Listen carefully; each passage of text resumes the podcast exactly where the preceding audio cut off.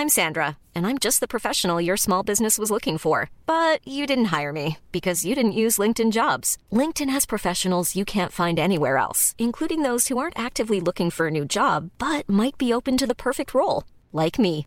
In a given month, over 70% of LinkedIn users don't visit other leading job sites. So if you're not looking on LinkedIn, you'll miss out on great candidates like Sandra. Start hiring professionals like a professional. Post your free job on linkedin.com/people today. Burrow's furniture is built for the way you live. From ensuring easy assembly and disassembly to honoring highly requested new colors for their award-winning seating, they always have their customers in mind. Their modular seating is made out of durable materials to last and grow with you.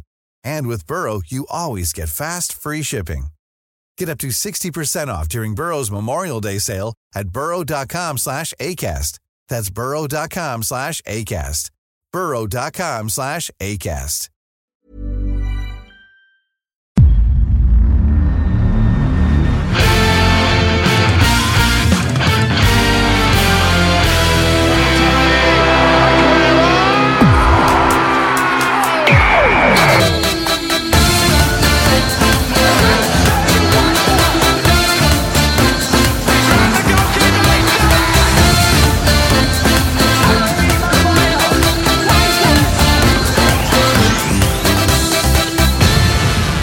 Hälsar vi hjärtligt välkomna tillbaka till ett nytt avsnitt av Rule Britannia. Vi, eh, vi må vara i denna podds linda, men eh, det känns fan som det är avsnitt varje eh, dag i stort sett. Så jag har, har nästan redan tappat räkningen. Men om jag, om jag försöker minnas lite här Fabian så tror jag vi nu är på ett avsnitt mer än vad Liverpool har Champions League-pokaler. Det, det är snabbt jobbat på tre veckors poddande.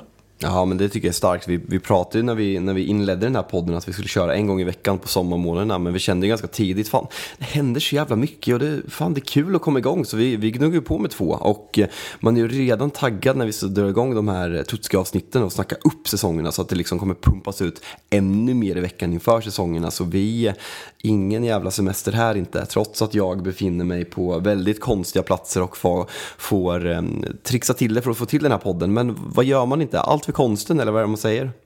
Ja men, eh, nej, men exakt, för uh, du, du har åtminstone tagit dig ut från uh, en toalett på Sardinien och som jag förstår det så har du nu uh, ja, men, uh, förtjänat rätten då att befinna dig i någon form av typ sovrum istället. Så det, det går ju också det går framåt för dig, du, du växer nere på ön.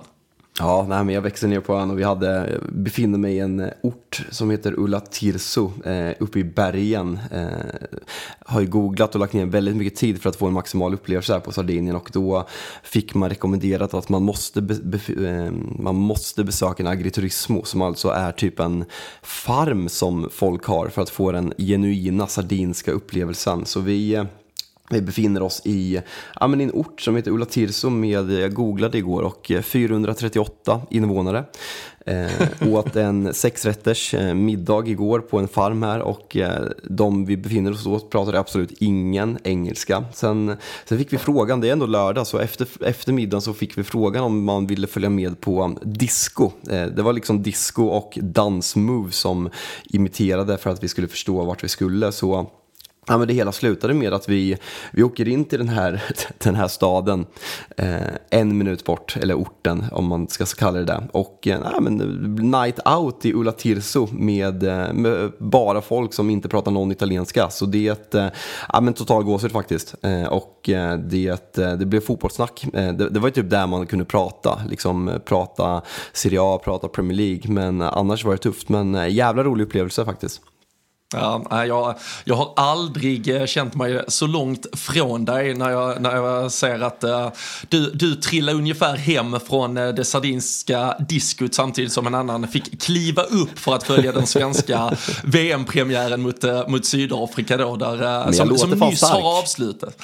Ja, fy fasen, du, du är alltid stark. Men vi sitter här, ja, men, vi, vi, lite mer sovmorgon än senast, så satt vi vid sjutiden och, och gnugga på. Nu är vi klockan ungefär halv tio. Sverige har nyss nyss vunnit med 2-1, eh, satt hårt inne mot eh, Sydafrika, men eh, det ska jag och Thomas Wilbacher snacka mer om i Tutto 5 om ett litet tag också, så den finns, när detta är ute så finns det avsnittet absolut också ute, så det kan man ju söka upp och hitta. Och det kan man verkligen, det får väl ändå vara en liten rekommendation här under VM-slutspelet att man kanske hänger med där ifall man vill ha, ja, men bara lite snabbt och skarpt content från det där mästerskapet. Men våra avsnitt, de vet ni, de hittar ni genom att följa och prenumerera på Tutto Live i era poddspelare och vill ni ja, men, vara var med i snacket kring avsnitten då är det ju inne på Twitter och Instagram som gäller och där kan man skicka in frågor, tankar, funderingar, allt möjligt så, så lyfts det säkert upp här. Men eh, jag, om du har varit på... Bara säga, jag måste ju bara säga, jag gnuggar ju mycket Spotify, jag lyssnar på poddar på Spotify och fan,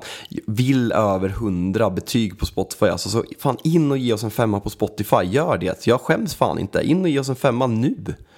Ja, men det är, det är helt rätt. Det, det har vi förtjänat uh, i det tempot vi, uh, vi, vi, levererar i. Så absolut, lyssna på Fabian. Men du, om det har dansats bergsdisco hela natten så är du ju ursäktad i att du inte har sett träningsmatchen mellan Manchester United och Arsenal.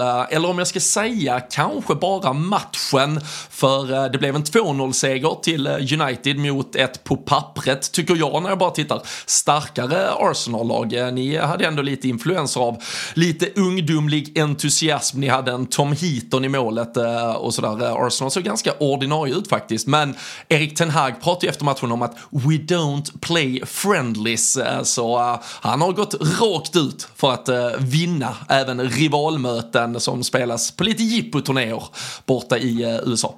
Men man, man kände ju så när man såg uppladdningen till den här matchen att det är en rivalitet som håller på att byggas. Och det var ju kanske med början, ja men den här säsongen, United vinner eh, ganska klart och tydligt i början av säsongen på Old Trafford. Arsenal har den här ja, men vändningen, United leder, eh, leder matchen och Arsenal gör 3-2 i, eh, på, eh, på övertid. Eh, så det, det kändes verkligen innan matchen som en rivalitet som eh, håller på att byggas upp.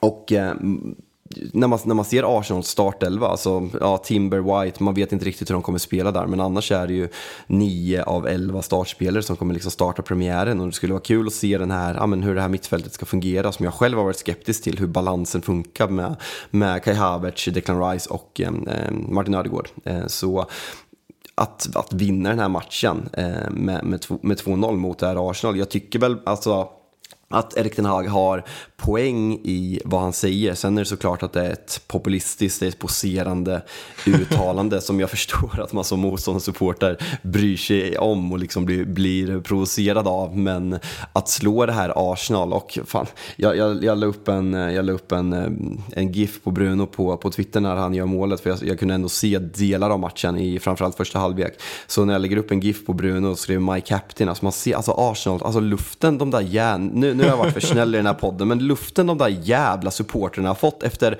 ja, men ett bra år när man viker ner sig och chokar totalt och nu har gjort en. Ja, ja Timber kanske, ingen, ingen har sett honom, låt oss vara ärliga, men man har värt Declan Rice och man har värt Kai Havertz som är ja, men kanske en av, en av Premier Leagues sämsta värvningar genom tiderna. Alltså vad, va, va fan är det som sker där borta i Arsenal-led?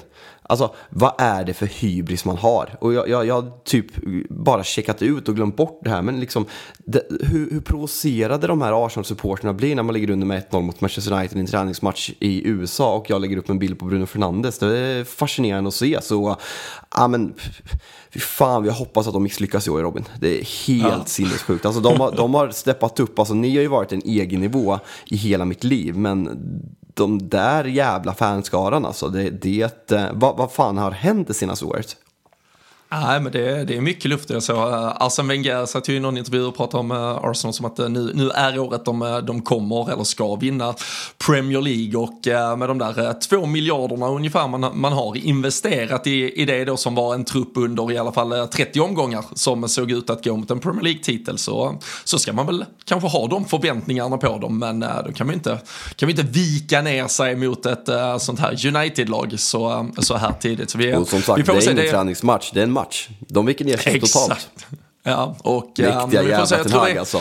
Det måste vara nästa träningsmatch där borta de spelar. De spelar väl en till då i, i starten. De ska väl till, det här var ju i New Jersey och eh, sen är det väl eh, att eh, Arsenal spelar en i Los Angeles. Det är ju den som vår, det var där podden startade egentligen med att vi snackade med Pierre då, Arsenal-supporter som, som skulle på sin världsturné och avsluta den med att kolla matchen i LA. Så vi, vi får väl låta dem avsluta turnén där och så får vi ta in Pierres intryck från det. Så får ni sitta och, och bråka lite. Det har ju varit uh, lite kritik mot att vi har varit för snälla mot gäster. Men Pierre när han kommer tillbaka nästa gång, då har han ju fått sin, sin halvtimme med, där han har fått eh, liksom stå, i, stå i ett ganska oemotsagt eh, spotlight. Och eh, nu kan vi ju börja ja, men spotta på honom helt enkelt. Det, det känns ju bra när folk börjar återvända till oss efter att de har varit här första gången.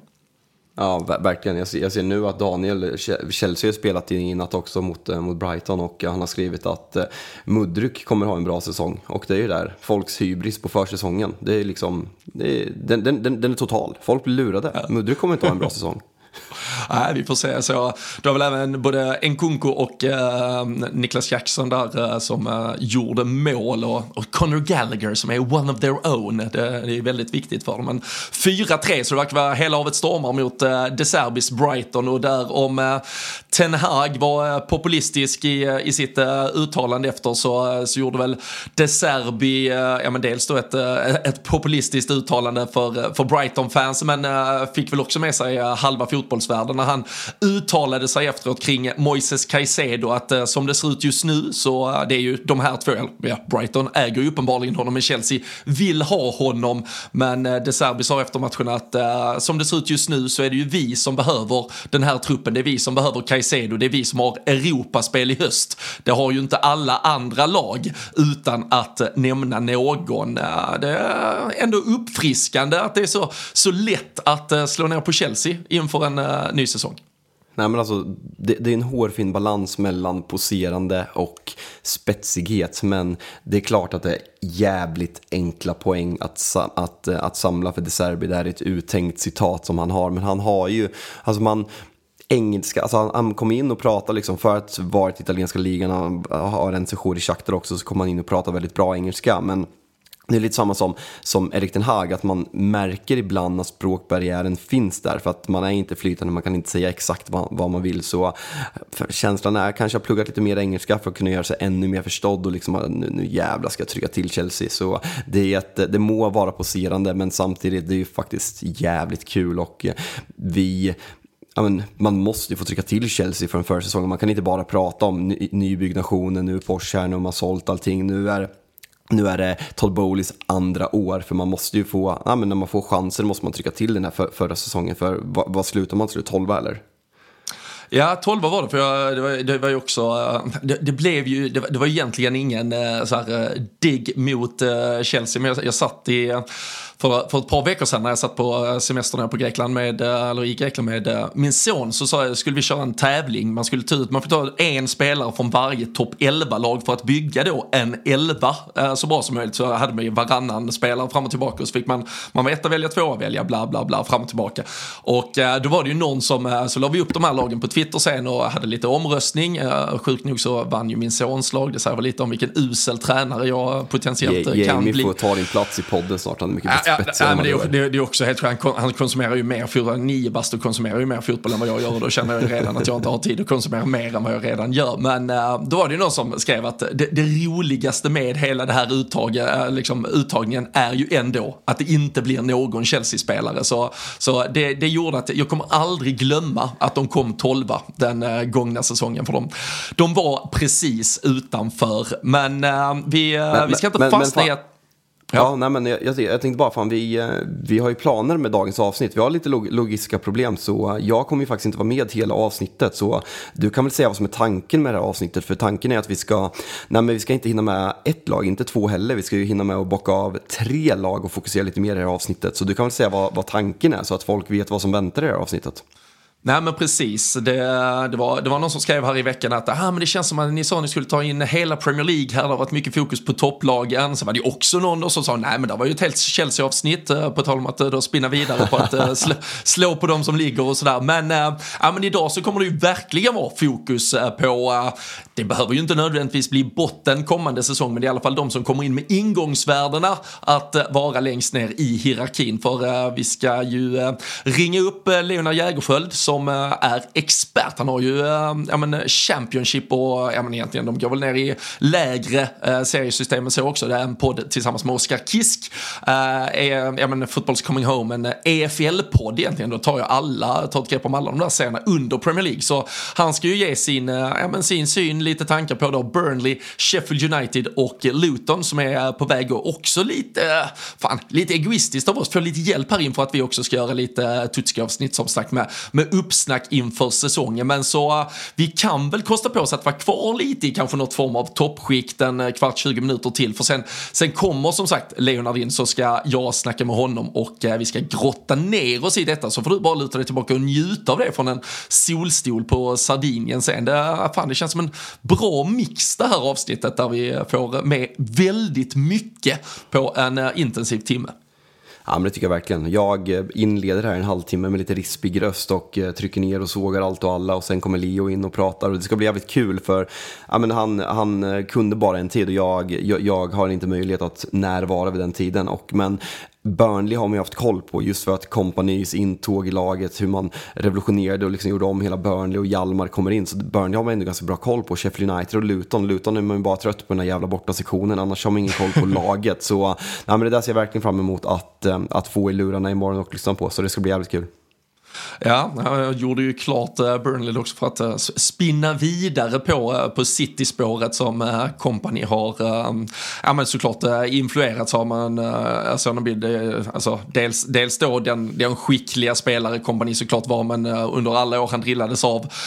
Dels Pep Guardiola och sen var ju Mikael Arteta långa perioder den assisterande och höger eller vänster hand i, i den där tränarkonstellationen också. Och nu kanske man pratar om att de då är de, de främsta taktikerna i Premier League och kompani som då sätter och adderar sina, sina egna idéer till det har väl alla verktyg i en låda för att, L för att kunna lite skillnad bli... Mot, lite skillnad mot Fergusons adepter om man eh, pratar i kvalitet.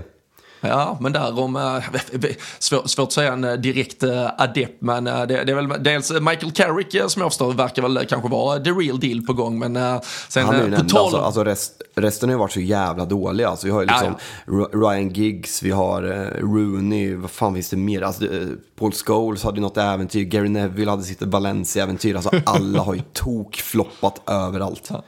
Vilket alltså, tyder liksom att, nej men att Ferguson verkligen var det, det var, det var ledarskapet, det var inte vem han är som tränare. Och alla försöker kopiera. Ole Gunnar Solskär glömde jag den jävla sopan. Alltså alla Du glömde inte, du har, du har förträngt, du har förträngt Fabian. Det är jag, jag gör mitt bästa dagligen, jag har, gått och, jag har gått i terapi väldigt många timmar, det har varit, varit dyrt, jag vill glömma den här jävla nor norrmannen. Ja, uh, kanske, kanske inte adept Jag älskar honom i... för 99. Jag älskar honom uh, Barcelona, måste jag nämna. Nej, nej, nej, Tränargärningen, usch. Glö, glöm allt, förträng allt. Men uh, så på tal om uh, ändå spelare som har varit under för alltså Darren Fletchers båda söner, två tvillingsöner, 16 bast, uh, har lämnat Citys akademi för att gå till United. märkligt kanske att de har varit där, men Citys akademi är väl kanske bäst i, ah, inte bäst i landet, jag tycker Chelsea håller ju tyvärr eh, väldigt hög nivå, men uh, kommer tillbaka till United då, så det kanske ska vara de som frälser er om några år. Så, samman, eh, eller tillsammans med Kai Rooney som har varit så hypad under Gotia-veckan också, där han varit spelat med Manchester Grammar School på utlån då från Uniteds uh, akademi. Ja, nej, nej, men verkligen. Det har ingen missat att Kai Rooney har show nere i Gothia. Jag vet faktiskt inte hur det gick, eh, gick för honom till slut, men han har ju, det, är, det är häftigt att se en sån ung kille och liksom kroppsspråket och liksom rörelsemönstret, att, eh, att det påminner så mycket om sin pappa. Så det är klart att det är kittlande att se honom i United-tröja långsiktigt och Fletchers eh, söner också kittlande. Jag, jag älskar Darren Fletcher. Jag håller honom jättehögt och det var, det var synd hela vad som hände med honom med den här med den här sjukdomen. För han gick ju från en hackkyckling till att bli liksom en av våra viktigaste spelare. Och jag fortfarande, Thomas Wilbacher har ju sin tjat, tjatande med den här offsiden med Fiorentina Bayern München i, i Champions League. Väl. Jag har ju samma sak med semifinalen i eh, Champions League om det är 2009. Darren Fletcher är typ vår bästa spelare och vi krossar Arsenal i semifinalen när Ronaldo gör det här kända målet. Eh, om det är på frispark va? När man mm. tror att det är alldeles för långt ifrån. Eh, då blir Darren Fletcher utvisad i, på övertid. Och eh, han tar ju bollen klockrent. Eh, men Uefa och Barcelona hade ju ett fint samarbete där så överklagan gick ju inte igenom. Så Darren Fletcher som var en av Uniteds viktigaste spelare fick ju inte spela finalen och det är därför vi torskade. Så rent krasst skulle man kunna säga att vi har fyra Champions League-titlar för den matchen hade vi vunnit med Fletcher på plan. Nej, fan. Ni, ni, hade, ni hade slått Prime Barcelona så länge ni Nej, men de var inte bra den matchen. Alltså 11, 11 i London var de helt överlägsna, men Rom var det inte ett bra Barcelona vi mötte. Alltså United okay. fick ner sig fullständigt, så det är den här matchen, alltså 11 håller jag som det bästa lag som jag någonsin sett. Och där kände ja. jag verkligen, Rooney gör 1-1 och sen eh, Messi och David Villa, fan som gör mål. Där kände jag bara så här, ah, men hur bra vi än hade varit hade vi aldrig vunnit den här matchen. Men just matchen i Rom, det, eh, den gör fortfarande ont för den borde vi vunnit och med Fletcher på plan hade vi vunnit. Nu kanske jag låter helt dum i huvudet och det, det, det är jag väl till viss del men eh, helt övertygad. Ja, ja, ja, vi får se. Det, jag, jag, jag tror inte jag ens eh, han avslutar den, eh, den sista bara, eh, de, delen där kring Burnley och Company och City och alla kopplingar. Men jag skulle ju landa i i alla fall att de hade gjort, de har gjort klart nu med, med Trafford, målvakten som nog många också fick upp ögonen för här under U21-EM, höll ju nollan rakt igenom hela mästerskapet där. Så vi ska väl fråga Leo lite om det var ja, någon, någon viktig bricka här i att, i att Burnley ska bli ännu bättre. Så får vi väl höra vilka för, ja, men förväntningar vi ska ha på de eh, olika nykomlingarna inför säsongen. Men eh, du, det är ett lag som vi har eh, ja, imponerats av än så länge vid, eller ja, hela våren egentligen, det de gjorde på planen. Och Unai Emerys intåg har vi pratat om, men nu fortsätter Aston Villa med vad som väl än så länge får beskrivas som ett 5 plus transfönster. Gjort klart med Moussa Diaby från Leverkusen, 24 bast, fostrad i PSG, gjort eh, 10 landskamper för Frankrike och det som är lite roligt är ju att eh, Leon Bailey, när de hämtar honom, vad var han? Jo, han var en hö vänsterfotad högerytter från Leverkusen som hade gjort 9 plus 9 den gångna säsongen. Vad är Moussa Diaby? Jo då, en vänsterfotad högerytter från Leverkusen med 9 plus 9 från den gångna säsongen. Och det var Diaby som petade Leon Bailey i Leverkusen. Nu kommer han till Aston Villa. Leon Bailey kan ju inte må bra, alltså när han ser honom, det är som när man byter klass typ och så kommer det en jävel även tillbaka som var anledningen till att man bytte klass. Och så står han där och uh, ska ta uppmärksamheten igen. Det, uh, men uh, ja, Leon Bailey får väl ursäkta, men för Aston Villa så är det nu ett, ett tredje förvärv här efter Pau Torres och Juri Tillemans som väl gör att vi kan hålla Aston Villas fönster än så länge väldigt, väldigt högt i rangordningen. Ja men verkligen, jag kommer, kommer bara ihåg, alltså här, jag, jag kommer ihåg när man var yngre och spelade mycket FM. Jag har spelat varenda FM fram till eh, 2015, 2016 kanske i, i hela mitt liv. Men sen så fick jag bara för mig så här, för något år sedan att jag skulle spela FM och då Leon Bailey var en riktig toppgubbe. Så när han kom till, till Villa förra året var man ju riktigt, ja men det kändes som min gubbe, jag har haft koll på honom liksom. Men det har inte eh, liksom blivit vad man har tänkt sig. Så uh, det ska bli kul att se hur konkurrenssituationen på den där positionen kommer bli. Och uh, ja, men som du säger, bara att jag menar som Villa kan, kan ta en, nu är inte Pau Torres kanske ordinarie i spanska landslaget, men att man kan värva liksom en sån spelare som har ryktats till nej, men alla bästa klubbar från Villarreal som vi har sagt har spelat Champions, eh, semifinal i Champions League. Och att man sen kan klippa ja, med Moussa Diaby som liksom är med i franska truppen, kommer liksom göra mer och mer landskamper, har också ryktats till de absolut största klubbarna. Han har haft Unai Emery tidigare i PSG så det finns en koppling där som, är, som gör övergången rimlig och Aston Villas satsning. Men att, eh, att Villa kan klippa en sån här spelare för dryga 50 miljoner pund, det, det säger ju någonting om, alltså vi, vi pratar om liksom Premier League stats i världen fruktansvärt många gånger, vi behöver inte gå dit, men även Aston Villas status, att spelare tycker att det är attraktivt att komma och spela för det här projektet under en Unai Emery, vilket är jävligt kul att se.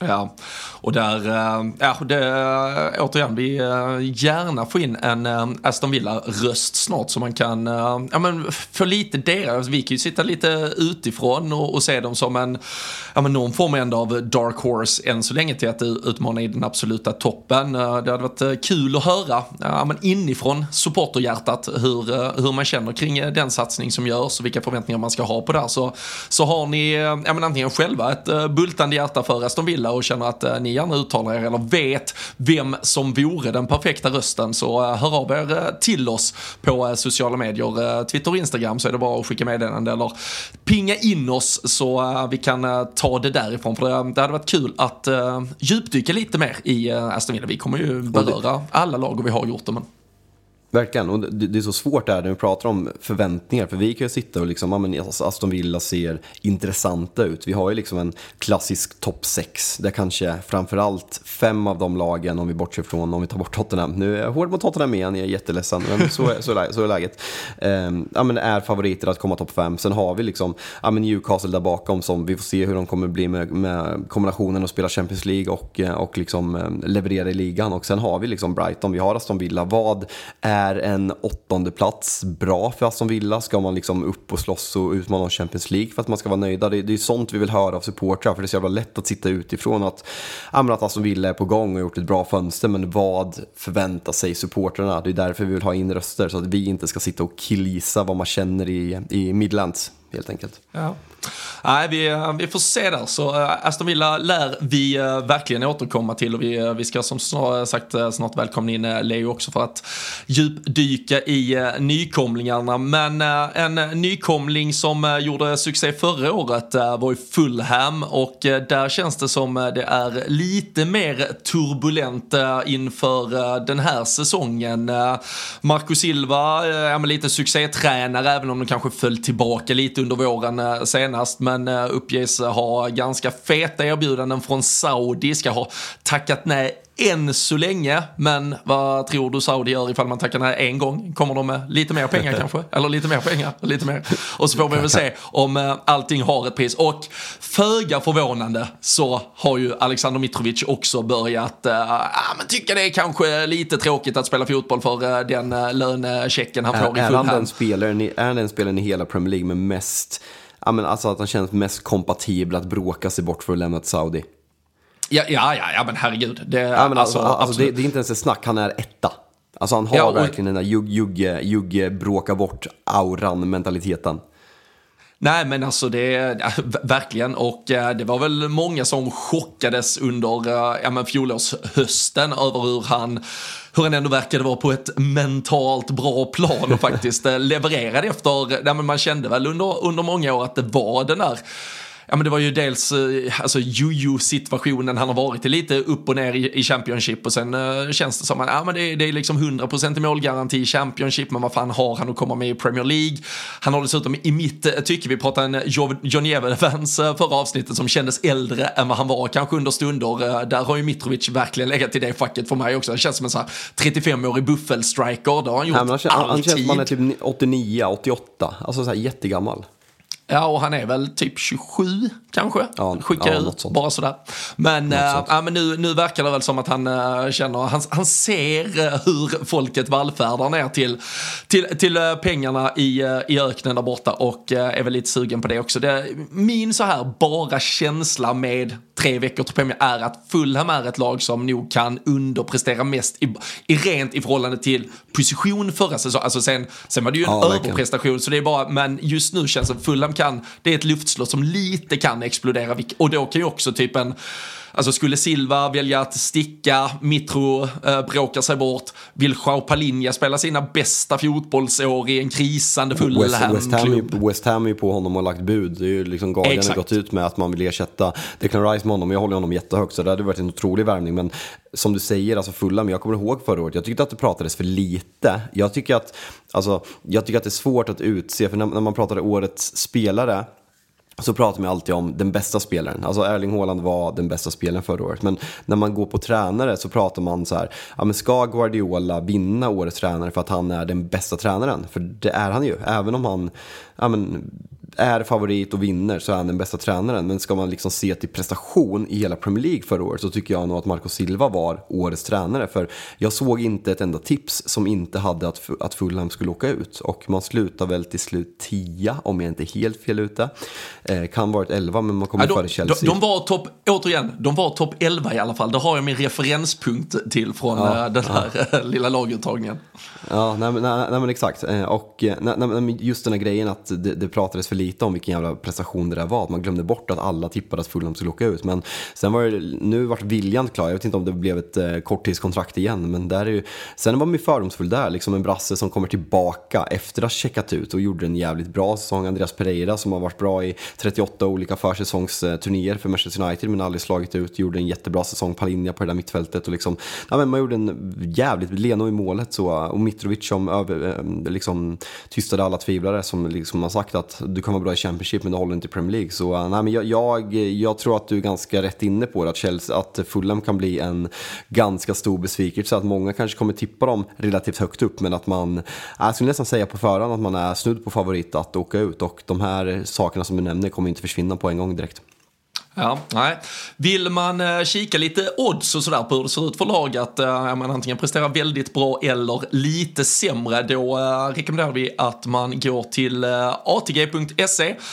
Där kommer vi också inom några veckor presentera långtidsspel inför säsongen och sen kommer det komma både tripplar och Big Nine-system när säsongen väl är igång. Det spelas ju dock en del fotboll här under sommaren, dels damernas VM som vi nämnde inledningsvis och sen är det mycket mycket allsvensk fotboll och då kan man ju genom att gå in på atg.se slash tutto också få eh, massa bra speltips från eh, Tuttosvenskan-gänget. Och eh, ska man spela så eh, gäller det ju däremot såklart att man dels spelar ansvarsfullt, man ska vara minst 18 år och skulle man ha problem med spel då finns stödlinjen.se SE så att ni vet det. Men eh, du, eh, du ska få ehm, ja, men, eh, surfa vidare på ditt härliga semesterliv. Jag ska ringa upp Leo här om någon timme och så kommer det bakas ihop till ett härligt maffigt Rule Britannia avsnitt. Men är det något avslutningsvis du dels vill att vi tar med Leo här eller något annat du känner att vi måste ha med i ehm, detta avsnitt? Nej, men det känns som att vi har, eh, vi har hunnit med. Vi skulle kunna prata lite City, där Bernardo Silva ryktas till PSG och Guardiol har kollapsat just nu, även om jag så, såklart tror att det blir av. Det, det, känns ändå lite frågetecken kring hela City, men det är ett, vi har ju ett avsnitt bara om några dagar, så vi, vi tar det då. Jag ska skicka med en utmaning till dig. Det, yes. Prata med Leo i 40 minuter utan att nämna Lutons borta sektion, så, så blir jag väldigt stolt. Ja, vi, vi, vi ser vad vi kan göra. Vi, uh, vi, vi skickar, uh, eller jag tar med mig den i alla fall. Jag, jag skickar uh, fortsatt då vidare härliga semesterhälsningar till dig. Njut några dagar till i solstolen så, så ska vi ju sen låsa in oss just för att göra alla de här införavsnitten om några dagar. Så vi, vi hörs snart igen Fabian. alla andra ni sitter bara kvar och så har ni en fortsatt härlig dryg halvtimme med snack om Sheffield United, Luton Town och eh, Burnley. Ja men då har vi eh, skickat ut eh, Fabian Jalkemo på eh, ännu en, ja, kanske någon liten båttripp ut på Medelhavet och istället här i Rule Britannia öppnat dörren till ja, men en som normalt sett kanske då pratar mest om fotbollen som bedrivs i ligorna nedanför Premier League. The Championship ligger varmt om hjärtat men som jag har förstått det, Leonard Jägerskiöld Velander lärde du mig alldeles nytt också. Så eh, är det, äh, ja men det är väl en del eh, League 1 och League 2 och allt möjligt som egentligen, ja men all boll utanför Premier League som spelas på de brittiska öarna. Ja, det, det, är ju, det är ju exakt så. Vi, vi kör in så mycket League 1 vi kan, även League 2 och till och med lite National League när det ges tillfälle för det. Men framförallt är det ju en, en podcast om The Championship. Eh, så det jag skulle säga att vi i alla fall till 80% tjötar The Championship och sen det som hinns med, det hinns med. Det blir lite Derby eftersom att jag vurmar lite extra för dem ibland, men, ja. men eh, mest The Championship. Jag kan, eh, jag kan tänka mig att ett av National League-spåren har varit Wrexham, eventuellt kanske, under den gångna säsongen. Ja, det kan man säga. Det var ju, det var ju en jäkla speciell säsong det där. Eh, riktigt häftig avslutning mellan Wrexham och Notts County. Så jag menar, alltså, den här fotbollen är ju så, det är ju så dramaturgiskt bra det som händer i de här lägre divisionerna. Så, så fort vi får anledning att prata om det som händer läg, lägre ner, då gör vi ju det. Så är det. Ja, det gör ni helt rätt Jag såg ju också, eh, man kan ju säga, och det, det, är väl vad, eh, och det kan man väl tycka olika om kanske då, vad, vad eventuellt de här eh, amerikanska pengarna och Ryan Reynolds och, och gängets intåg i i Wrexham gör. Men de spelade ju träningsmatch mot Chelsea här för ett par dagar sedan och då alltså på amerikansk mark så var ju alltså, det var hälften hälften på läktarna. Wrexham-fans mot Chelsea-fans. Det är, det trodde man inte för några år sedan att ett då före detta National League-lag, visserligen nu det ett League 2-lag, men att de ska åka på jänkarturné och fylla halva husen på de stora arenorna där borta. Det är Nej, det är, faktiskt, det är helt sjukt. Nej, de har ju verkligen lyckats där, Ryan Reynolds och och han från It's Always Sunny i Philadelphia, jag glömde tappa hans namn. Nej, men det är... man, man, man stapplar sig alltid på alltså, hur många McElhenney det, det är i det där efternamnet, så jag, jag, jag passade också kände jag.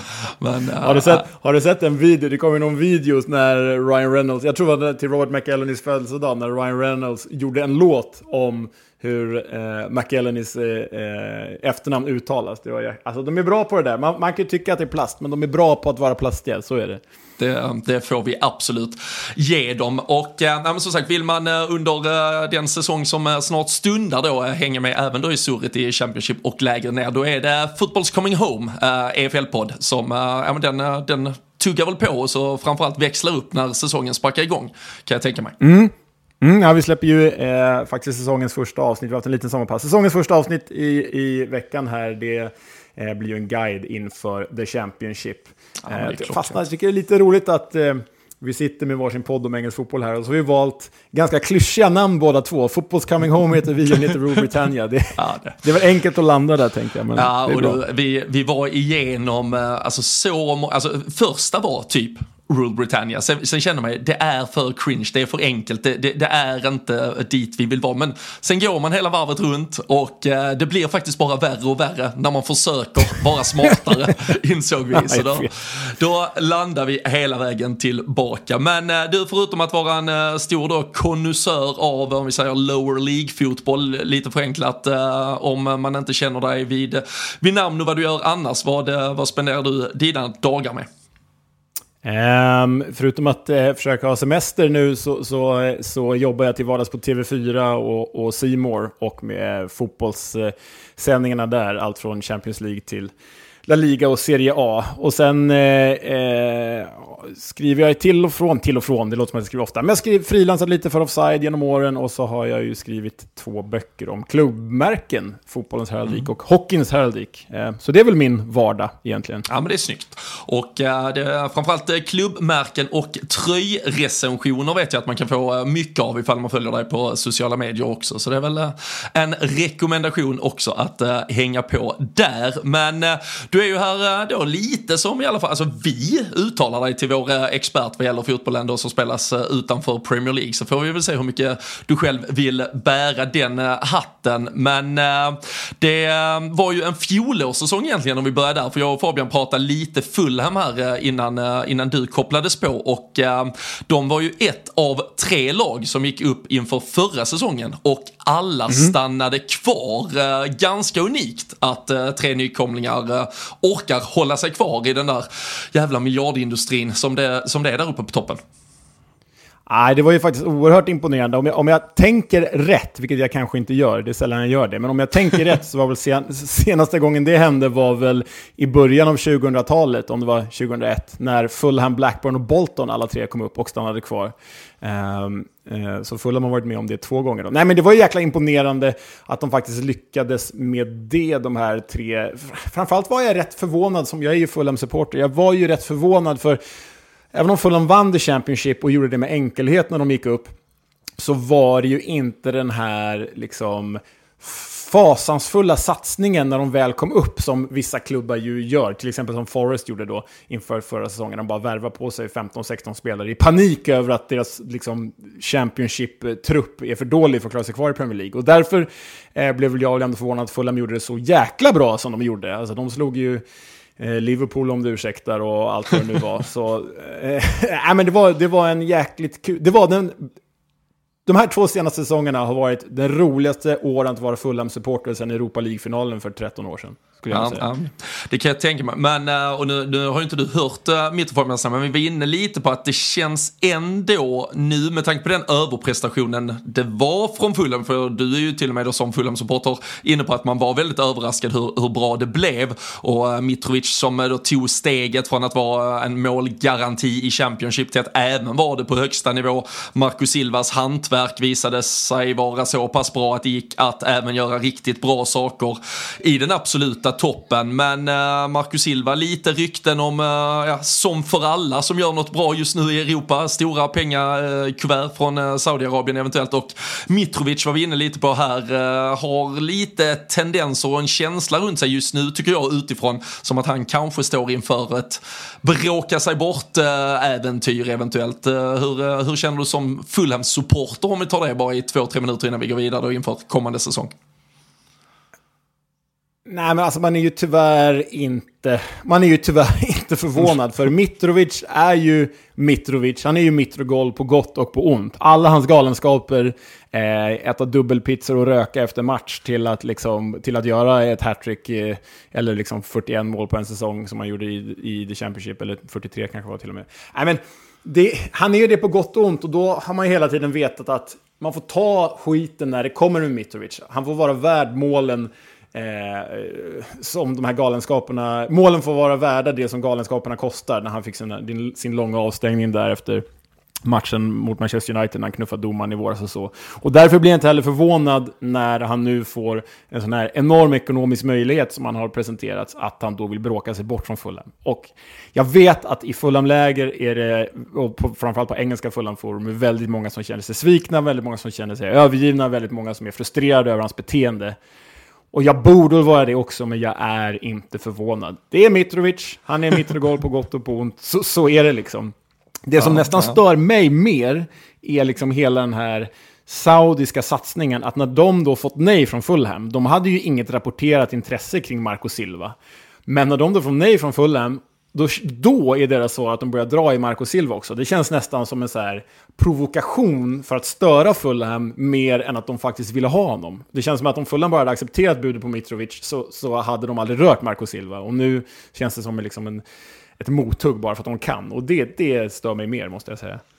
Ja, nej, fullt uh, förståeligt. Och det, nej, det har ju, uh, du, du, du sitter ju inte ensamt uh, då som supporter i ett lag där, där Saudi är inne och, och, och stökar till det lite och gör, gör det lite extra speciellt inför avslutningen på, på transferfönstret. Jag såg precis faktiskt innan vi tryckte igång att uh, Raúl Jiménez ryktades som en eventuell ersättare skulle jag väl tänka mig att det skulle vara till Mitrovic i så fall. Så får väl se om, om ni i så fall kan få igång målskyttet på honom. Det, det har ju inte riktigt haft någon fart sen den där otäcka otäcka huvudskadan. Känns som att det finns ett Nej. före och efter på honom, tyvärr. Ja, verkligen, tyvärr. Och det är, så här, på pappret skulle jag nog vara ganska nöjd, men jag vet att ingen kommer kunna ersätta Mitrovic i Fulham ordentligt. Eh, men, men får man igång åtminstone hälften av Raúl Jiménez vad han en gång var, så känns det som en tillräckligt bra anfallare för att de ska hålla sig kvar. Ja. Men såklart, ingen kan vara Mitrovic. Nej, vi uh, lär få anledning att återkomma till vad som händer uh, där i, uh, i Fulham. Men vi ska ta en titt på de tre nykomlingarna i Premier League inför kommande säsong. Och vi vinner lite på Vincent Companys, ja men vad ska vi säga, men det känns ju som att han, han har ju inte bara vandrat eh, försiktigt in på den där stora tränarhimlen utan han har ju sparkat upp eh, porten, satt den på vid gavel, sagt eh, här är jag, jag har tagit det bästa av Pep Guardiola, det bästa av Mikel Arteta, plus att jag dessutom var en av världens absolut bästa backar när det väl begav sig. Och nu har jag tagit brunkande Burnley, Sean Dyche, all fotboll, kastat ut genom fönstret och gjort det till ett champagnespelande jävla lag som ska ta engelsk fotboll med storm. För det är så det har känts när man har suttit lite bara bredvid.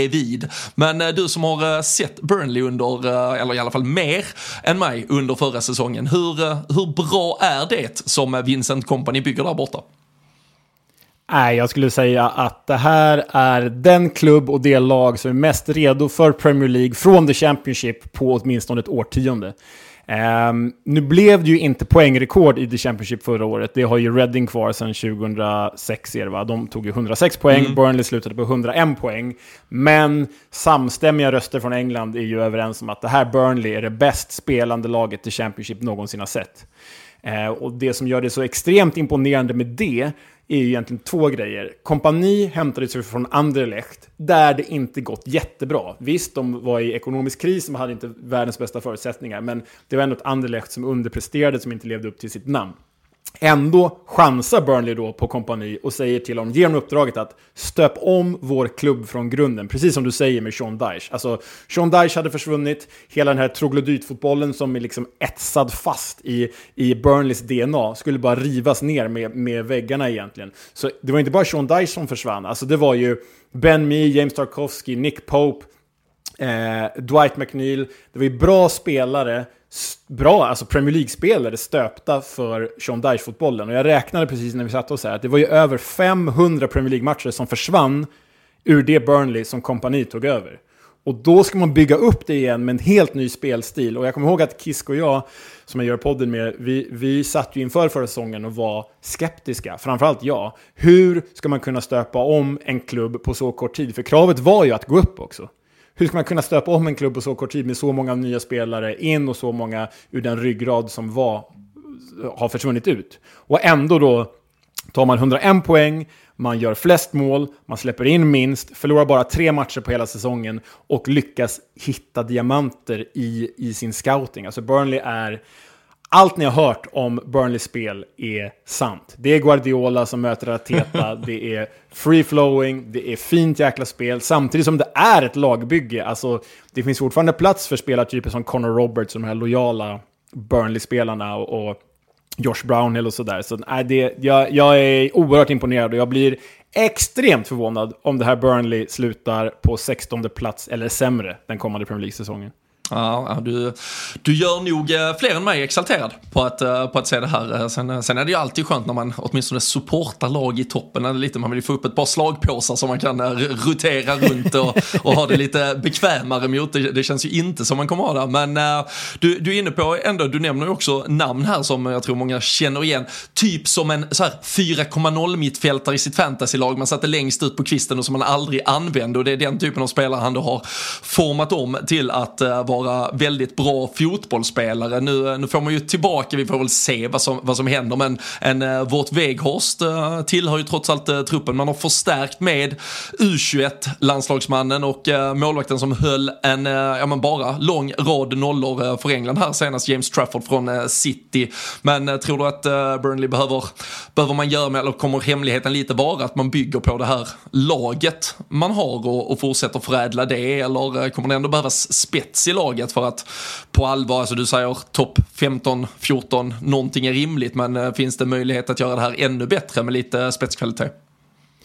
Ja, men det tror jag absolut. Men jag tycker ändå att de har hämtat in det om man liksom jämför med förra säsongen. Tro det eller ej, men i det här liksom kompani Guardiola-eska Burnley så var ju Ashley Barnes av alla jäkla människor. Han var en mm. viktig eh, spetsfigur uppe på topp. Han var väl kanske den svaga länken på pappret, men stod väl ändå för en 10-12 mål förra säsongen, agerade väldigt bra. Eh, länkspelare uppe på topp för, för eh, Burnley. Han har nu lämnat för Norwich, vars, vars tröja jag sitter i just nu för övrigt. eh, och då har man ju kvar eh, J. Rodriguez som jag inte eh, minns fel, men han kommer inte få så mycket speltid. Istället har man ju då hämtat in Michael Obafemi eh, från Swansea. Man har hämtat in Eh, man har fått tillbaka Volt Weghorst och bara där tror jag att det, det, är en nivå upp. Och så har man hämtat in den här ytterst spännande anfallaren från FC Basel för 200 miljoner kronor, Zeki Amdouni, som kompani tror mycket på, eh, på 22-årig schweizare. Eh, jag, alltså att värva de här supernamnen har inte varit kompanis melodi, vare sig Anderlecht eller Burnley. Istället har hon liksom värvat klokt och gjort eh, eh, enormt smarta värvningar. Alltså den här eh, tyska mittbacken som ni Premier League-tittare kommer lära känna nästa år, nästa år. Jordan Bayer från eh, Mönchengladbach. Han var ju på lån förra säsongen, var en av seriens bästa mittbackar. Nu har de köpt loss honom. Eh, Taylor Harwood Bellis, som var inlånad från Manchester City förra säsongen, var seriens bästa mittback. Han mm. är ju dock inte kvar. Alltså den typen av värvningar, de har hittat unga, utvecklingsbara spelare som presterar på en extremt hög nivå. De kommer fortsätta med den nivån även i, i eh, Premier League. Hur eh, mycket förväntningar ska man ha som eh, svensk på att Hjalmar Ekdal får någorlunda regelbunden speltid här eller kommer det vara mer sitta kvist för hans del? Alltså väldigt svårt att säga. I, i, när han skrev på för Burnley så intervjuade vi honom omgående i podden. Och då sa han själv att med, efter ett samtal med kompani så skulle han få vara beredd att vänta på sin debut. Eh, och efter att vi hade spelat ut det eh, avsnittet så debuterade han, alltså direkt efter. ja, vet, det gick eh, jävla snabbt där uh, direkt. Och gjorde ja, mål i typ fort. första matchen också, eller andra eller vad det var. Ja, mål i debuten. Eh, enligt whoscored.com så hade han, jag tror att han var typ den tredje bästa mittbacken sett i statistiken över hela säsongen. Nu spelade han ju bara 9-10 matcher. Men det som var så sjukt också, han gjorde 9-10 matcher, blev skadad och sen fick han inte vara med alls.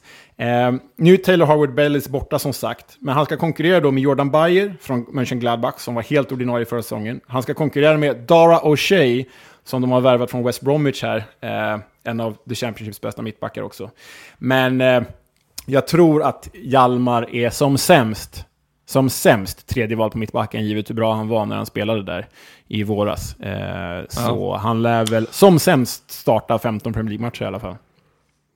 Ja, men det, vi, vi hoppas få eh, så mycket svenskar. Det känns ju som, eh, visst eh, med, med, med Dejan och Alexander Isak så, så har vi ju fått återigen lite mer svenska inslag. Men det, ju fler ju, ju roligare blir det. Framförallt om det sprids ut i alla de olika skikten av tabellen. Den, den här målvaktsförstärkningen, James Trafford, för som sagt du, du tittar ju på mer än bara Championship. Han var ju på lån i Bolton förra säsongen. Jag tror många eventuellt bara såg honom då ett par matcher för England under eh, U21-EM. Men eh, hur, eh, hur stor målvaktstalang skulle du säga vi har att göra med där och hur viktig är den pusselbiten som man nu får på plats också? Alltså det är ju så dubbelt med engelska målvakter, för det är ju lätt att säga så här, eller det är lätt att bli positivt inställd till en spelare som man säger att det här är Englands största målvaktslöfte eh, sen, sen liksom Paul Robinson var ung. Och nu blev ju Paul Robinson aldrig så bra som man trodde. Men, men det är liksom det största engelska målvaktslöftet på 20 år. Eh, men jag vet inte hur mycket det betyder när det ändå är en engelsk målvakt. De är ju sällan så bra som... De blir ju oftast Joe Hart bra eller Paul Robinson bra, vilket inte är det bästa. Eh, men den här killen gjorde ju en riktigt, riktigt bra säsong i, i Bolton. Var väl egentligen kanske snäppet bakom Cooper i Plymouth, som eh, var väl kanske League Ones bästa målvakt förra säsongen. Men, men eh, Trafford här spås en lysande framtid. De har ju liksom pungat ut över 200 miljoner kronor för honom, trots att de då hade Arjanet Muric förra säsongen, Kosovos landslagskeeper, som, om jag inte minns fel, hade näst högst räddningsprocent av alla målvakter i serien. Ehm, så de värvar ju honom eh, för att vara första målakt, det är jag övertygad om. Och jag, tror att det här är en målvakt som kommer att bli bättre än Paul Robinson, som kommer bli bättre än Robert Green, som kommer bli bättre än Chris Kirkland och Scott Carson och alla de där engelska målvakterna som aldrig riktigt blev så bra som man trodde. Ja, nej, det får vi väl. När, när du säger den, den listan med målvakter så, så är det till och med så att jag känner för James Trafford att jag hoppas att han blir bättre. För det, det, det, det blev aldrig så, så extremt höga toppar på, på de där gubbarna. Och två av dem var ju och vände i min klubb eh, bland annat utan att kanske skörda några superstora framgångar. Men eh, om jag eh, bara läser in dig väldigt snabbt så är Burnley det laget vi i alla fall ska ha störst eh, förväntningar på eh, av de tre som går upp. Såklart också det lag som var bäst som du är inne på under fjolåret. Ja, ja men det tycker jag. Eh, det tycker jag absolut backtrackade liksom Championship-klubbarna eh, ett par 10-15 år och såg att de som oftast presterar bäst första året i Premier League, det är de som faktiskt kommer tvåa i The Championship. Men här tror jag inte någon tvekan om att det är Burnley som ska ha favoritskapet på sig av nykomlingarna. Ja. ja, men det låter bra. Men äh, det laget som, som kom tvåa då, som, eh, som eventuellt, ja de vill väl eh, gärna då äh, se, se till att hålla den sviten vid liv om att äh, tvåan kanske gör det bättre när man väl kommer upp. kanske att de har fått ja, men kämpa lite, men känner att de måste förstärka lite mer. Ettan kanske har varit lite lite fat and happy ibland när man har gått upp ifall det skulle vara det som är den enkla analysen. Men äh, det var Sheffield United äh, som äh, klev upp där också med den andra direktplatsen och Eh, där, eh, ja men det är också ett lag vi, eh, precis som Burnley, även om det var en kortare session, men som vi såg i Premier League bara för något år sedan och där, även om det då inte är tyvärr en svensk mittback i det där laget som det då är i Burnley, men det är ju en svensk bekanting på alla sätt och vis i Anel Ahmedhodzic. Så vad är det för ett Sheffield United som kommer upp nu? Finns det stora likheter, kanske några, eller finns det ja, men stora skillnader mot det Chris Wilder-lag som som det oftast var ju när det begav sig senast i Premier League? Ja, men jag skulle säga att det på mångt och mycket är väldigt likt det Chris Wilder Sheffield United som, som vi såg i Premier League. Det är ett väldigt stabilt och tryggt lagbygge. Det är en maskin som kämpar och sliter mer än vad de spelar. Eh, nu kommer de ju... På ett sätt är de ju liksom kanske mer redo för att vara en underdog. Eh, de kommer liksom gå från att vara en topdog till en underdog nu förstås, givet att de byter serie. Eh, de var väldigt trygga och, och, stabila och lugna och liksom metodiska i sitt spel. Och de tränas ju av Paul Heckingbottom som tränat Sheffield United en gång tidigare i karriären, varit runt i Barnsley och Leeds och egentligen inte lyckats riktigt förrän nu. Eh, han har en rolig eh, Twitter-namn, där heter han Feckingbottom, det tycker jag är ganska roligt. Eh, men han har ju satt ett så här typiskt brittiskt spel, förutom då att de spelar trebackslinje istället för en klassisk fyra. Eh, där Anel Ahmedhodzic har en jäkligt spännande roll. Han var ju väldigt offensivt framgångsrik eh, förra säsongen, Anel. Eh, han är liksom den spelande mittbacken av de här tre och spelar sig upp i planen och kommer därmed till en jäkla massa avslut. Alltså han gjorde sju mål förra säsongen, sju mål och två assister. Jag satt och kikade lite, vi, vi förberedde, vi kommer också ha lite införguide och satt så otroliga siffror framåt för att vara en mittback. Och just inte alltså att man bara har knoppat in hörnor utan att det faktiskt finns delaktighet på andra sätt och vis också i det där registret. Det är anmärkningsvärt i alla fall. Ja, och det, och exakt. Och det tycker jag, han gjorde ju oerhört bra. Alltså, Anel Ahmedhodzic var ju tillsammans med Taylor Harvard Bellis, som vi nämnde då i Burnley, det var väl de två bästa mittbackarna. Och eh, Anel definitivt den mest sevärda.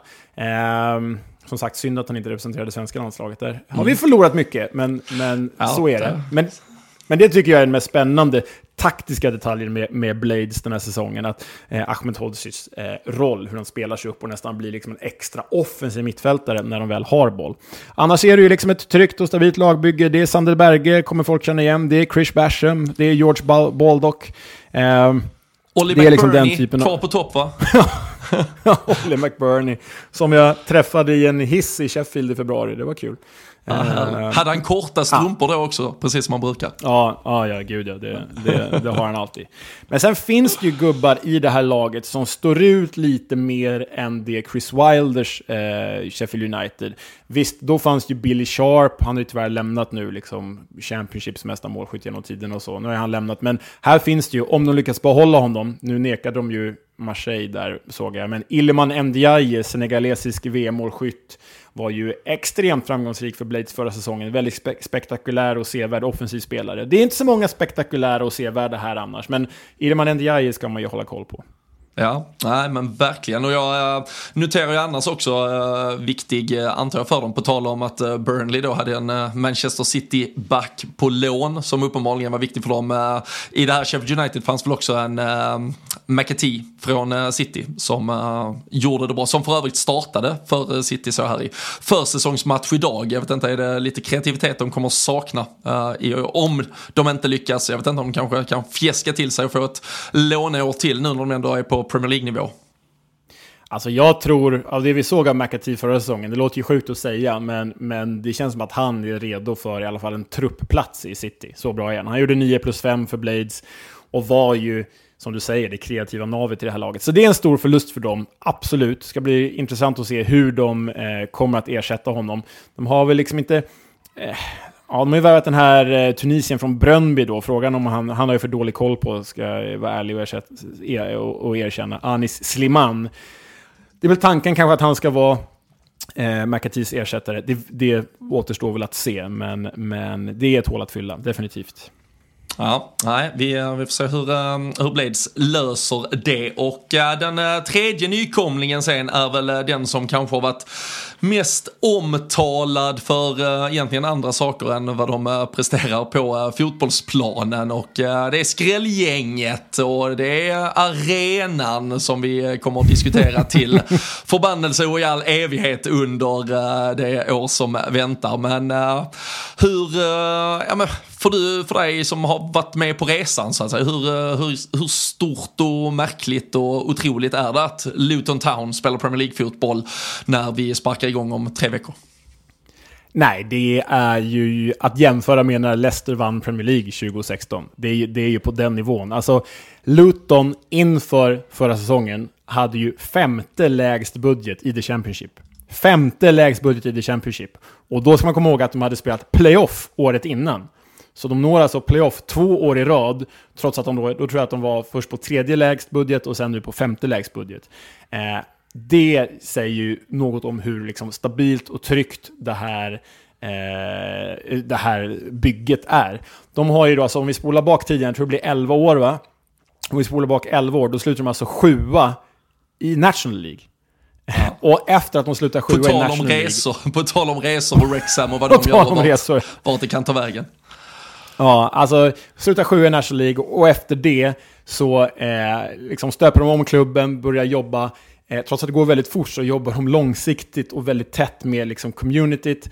Och eh, eh efter det så förbättras de alla år utom ett, så förbättras de i seriesystemet. Alltså de, de eh, flyttas upp, de eh, kommer i en bra placering i, i serien ovanför, de kommer i en ännu bättre placering i serien ovanför. De bara fortsätter att utvecklas, fortsätter att prestera hela, hela, hela tiden. Och det här har ju varit väldigt tätt knutet till eh, han eh, varför tappar jag namnet på honom nu? Tränaren som hoppade in i Southampton i våras. Nathan Jones. Eh, tänkte att vi skulle... Nathan Jones. Vi tänkte vi skulle komma till hur, hur han mår idag också, men uh, kan, kan jag avsluta först allt det fina han faktiskt var med och åstadkom.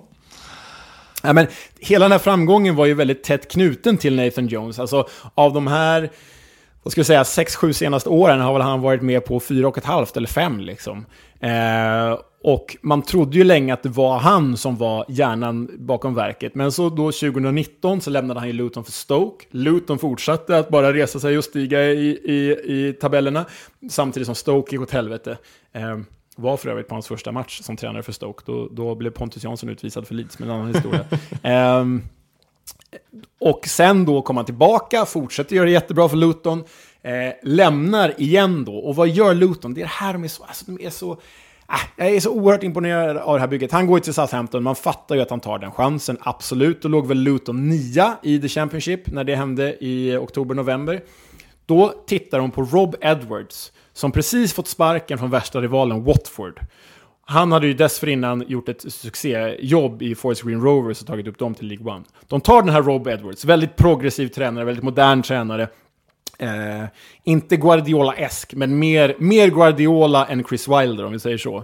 Eh, och han tar då det här Luton från nionde plats till tredje plats och sen playoff-segrare. Eh, så de, de, de hittar rätt hela tiden. Alltså den här scoutingstaben och värvningsstaben som de har gör på många sätt som Burnley gör, fast med mycket, mycket, mycket mindre budget. Och där Burnley kanske tittar på unga spelare som kan utvecklas, tittar Luton på ja, men, skräpspelet som inte lyckas någon annanstans. Förlåt att jag säger skräpspelare, men det är det är liksom Marvelous Nakamba lånar de in från Aston Villa förra säsongen. Och då tänker man ju som liksom Premier League-tittare, Marvelous Nakamba, den gubben, han har inte gjort någon glad i Aston Villa. Och så går han in och är seriens bästa defensiva mittfältare. Mm. Och är liksom oumbärlig hela playoffspelet för Luton. Nu plockar de in Tai Chong, den gamla Manchester United-talangen som var liksom ruskigt bra i Birmingham. De värver en dansk mittback från eh, League One och de plockar in eh, Victor Johanssons lagkamrat eh, Kiedosi och Benny från, från Rotherham. Jag säger inte att det här kommer räcka, för Lutons budget är liksom alldeles för liten för att kunna hålla sig kvar i Premier League. Skulle de sluta annat än jumbo så är det en succé. På riktigt alltså, för så stora är de ekonomiska skillnaderna. Men det betyder inte att de inte gör ett bra jobb. Jag tror att Luton, säg att de åker ur, är det bara en tidsfråga innan vi ser dem upp igen. För den nya arenan är på gång, Eh, även om det tar ett par år. Det, det, och de bara gör rätt, rätt val efter rätt val, arbetar på rätt sätt hela, hela, hela tiden. Och fått ett väldigt splittrat community också. Alltså, Luton är ju en stad som är extremt polariserad. På ena sidan motorvägen så har man ju alla högerextrema eh, våldsbejakande nationalister i, i Storbritannien i princip. Och på andra sidan motorvägen har man eh, väldigt många fun fundamentalistiska muslimer. Det är ju det, det, det område där IS värvar flest eh, eh, eh, personer ifrån. Så det är extremt polariserat samhälle som de har liksom lyckats knyta kring den här klubben på ett väldigt eh, eh imponerande sätt. Äh, Luton är Även om de kommer tok-jumbo så är det liksom Englands mest imponerande klubb för tillfället. Skulle jag säga. Ja, otroliga. Jag, jag kikade lite också. De, de blev fan låg 12 på Boxing Day och sen så var det två förluster på 24 matcher in i mål därifrån. Så det, de växlar ju verkligen och bara öste på in. Och uh, på tal om uh, rövspelare som presterar. Jag satt och kikade där. Clinton, vad heter han? Clinton Morris va? Uh, Carlton Morris, uh, anfallaren. Carlton Morris, ja. ja men, kom väl upp i typ 20 kassar till slut förra säsongen. Men hade ju tillhört Norwich i sju säsonger, utlån till Oxford United, York City, Hamilton Academical, Rotherham, Shrewsbury, Rotherham, MK Dons, gjort till typ ja, tio baljor på sju år och så får man då lossna för honom också. Det, det säger väl någonting ja. om uh, vad som händer där borta. Och han är så jäkla härlig. Det, det, det finns många väldigt, i och med att pengarna saknas i det här bygget så finns det så många härliga spelartyper. För Carlton Morris, han gjorde ju typ bara 5, 6, 7, 8 baljor för Barnsley som åkte ur Championship innan, de värva, innan Luton värvade honom då. Men han är en sån klassisk jäkla... Jag vet inte om ni minns när Norwich gick upp för typ 10 år sedan, när Grant Holt bara ställde till det i Premier League. Ingen alltså, kan väl glömma, en... ingen kan glömma Grant Holt. då, då får man sluta och, och, lyssna direkt. Ja, ja, verkligen. Och Carlton Morris är ju en sån anfallare. Och sådana spelare får det ju knappt plats med i Premier League längre. Och det gör mig jäkligt glad att de, de här spelarna fortfarande får utrymme i Premier League när Carlton Morris och Elijah Adebayo och Tom Locker ska spela Premier League. Det, det, det finns något väldigt fint i det. Och sen måste vi ju eh, framförallt nämna eh, han då som varit med på eh, hela resan. Och det är ju Pelly Roddock och Panso. Den enda i truppen som alltså var med i, i, eh, nere i National League och som är, är kvar nu i Premier League. Det är ju jäkla häftigt. Ja, äh, fantastisk resa som det har varit. Och äh, nu har vi fått eh, äh, känna och klämma lite på alla de här tre nykomlingarna. Men jag, en sak jag bara måste fråga också innan vi ska, vi ska avrunda alldeles strax här kring ett lag som då inte tog steget upp. Och det var ju Luton som kvalspelade i det där playoffet mot Coventry där vi hade verkligen då på tal om svensk potential som kunde komma upp i högsta ligan, Viktor Gyökeres som i och med kanske att det inte blev någon uppflyttning till Coventry istället för den här otroliga otroliga ja, drömflytten till Sporting Lissabon som jag ser sjukt mycket fram emot. Kan, kan vi, om vi är lite egoistiskt svenska, också se det som en blessing in disguise att eh, nu är ju du och jag och många som lyssnar här såklart mest intresserade av den engelska bollen och hade jättegärna sett en till nummer nio i Premier League. Men eh, att eh, Gyökeres får flytten till Sporting Lissabon istället för att stå och försöka skarva in en boll eller två för Coventry längst fram på Premier League-toppen eh, kan, eh, kan det ha varit eh, bra bra för uh, kanske det svenska landslaget i slutändan också. Ja, men det tror jag. Alltså, eh, som du är inne på så tror jag att det inte råder någon tvekan om vilken kvalitet eh, Gyökeres besitter. Och eh, han ska ju definitivt åtminstone diskutera sitt namn i startelvan. Eh, den svenska startelvan bredvid eh, Alexander Isak. Ehm, hade Coventry gått upp så hade ju de kanske haft lite bättre förutsättningar än Luton, men definitivt varit en favorit till att åka ur igen. Och då blir ju, ni vet vad det blir, det hade blivit fem mål för Gyökeres kanske. Typ kanske så. som bäst tio. Som ja. bäst tio. Nu får han en drömflytt i att han kommer till en klubb som ändå spelat mycket Champions League de senaste åren. Han får spela i en liga där de dominerar. Han får, förutom, han får jäkla bra mat och bra väder också om man jämför med, med, med Coventry. Så på många sätt är det en drömflytt. Sen hade jag ju kanske gärna sett att han hade om Leeds hade hållit sig kvar så hade jag gärna sett att han hade gått dit, givet det nya ägarskapet i den klubben.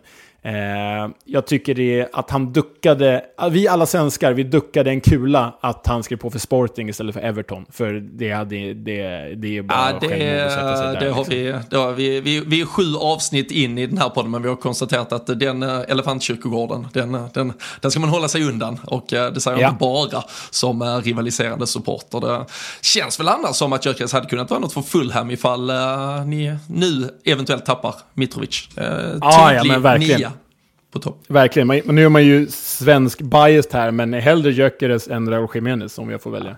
Det tror jag fan. Eh, jag tror inte du behöver vara uh, biased ens för att uh, tycka det. Det är spännande.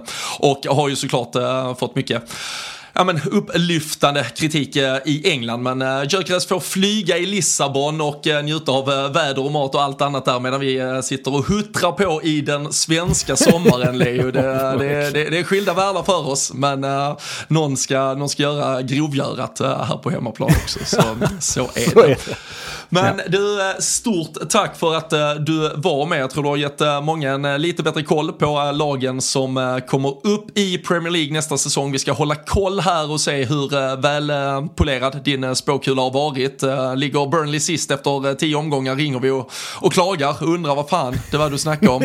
Eller om Luton och Carlton Morris då har dunkat in 15 kassar och är på väg mot Europaspel. Men det är ju det som vi älskar också. Vi vill ha lite skrällar. Vi vill ha något kul Så, som händer under säsongen. Ingen är gladare än jag om Luton, om Luton har, har pajat mitt tips. Så det, det blir ja. bara bra. Ja, det är grymt. Men äh, vill man mm. äh, hänga med i snacket och kanske då redan nu lära känna potentiella Premier League-lag till nästa säsong, då äh, lyssnar man på Footballs Coming Home som du och Oskar Kisk gör varje vecka. Och den, den finns väl där poddar finns, så att säga. Så det är inte mycket mer än så som behövs sägas.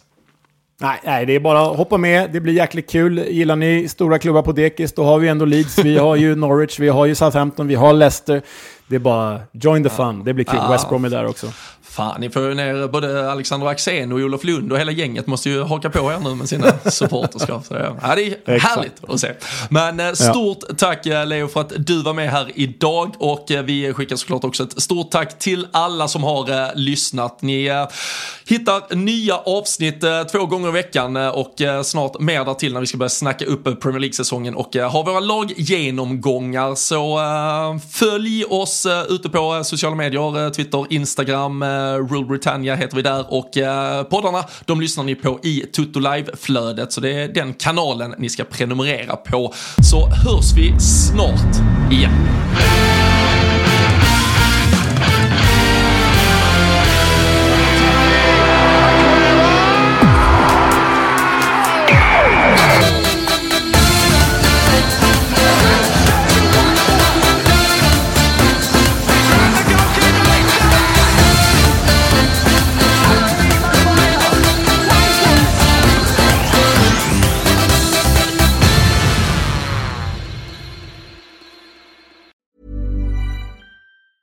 Planning for your next trip?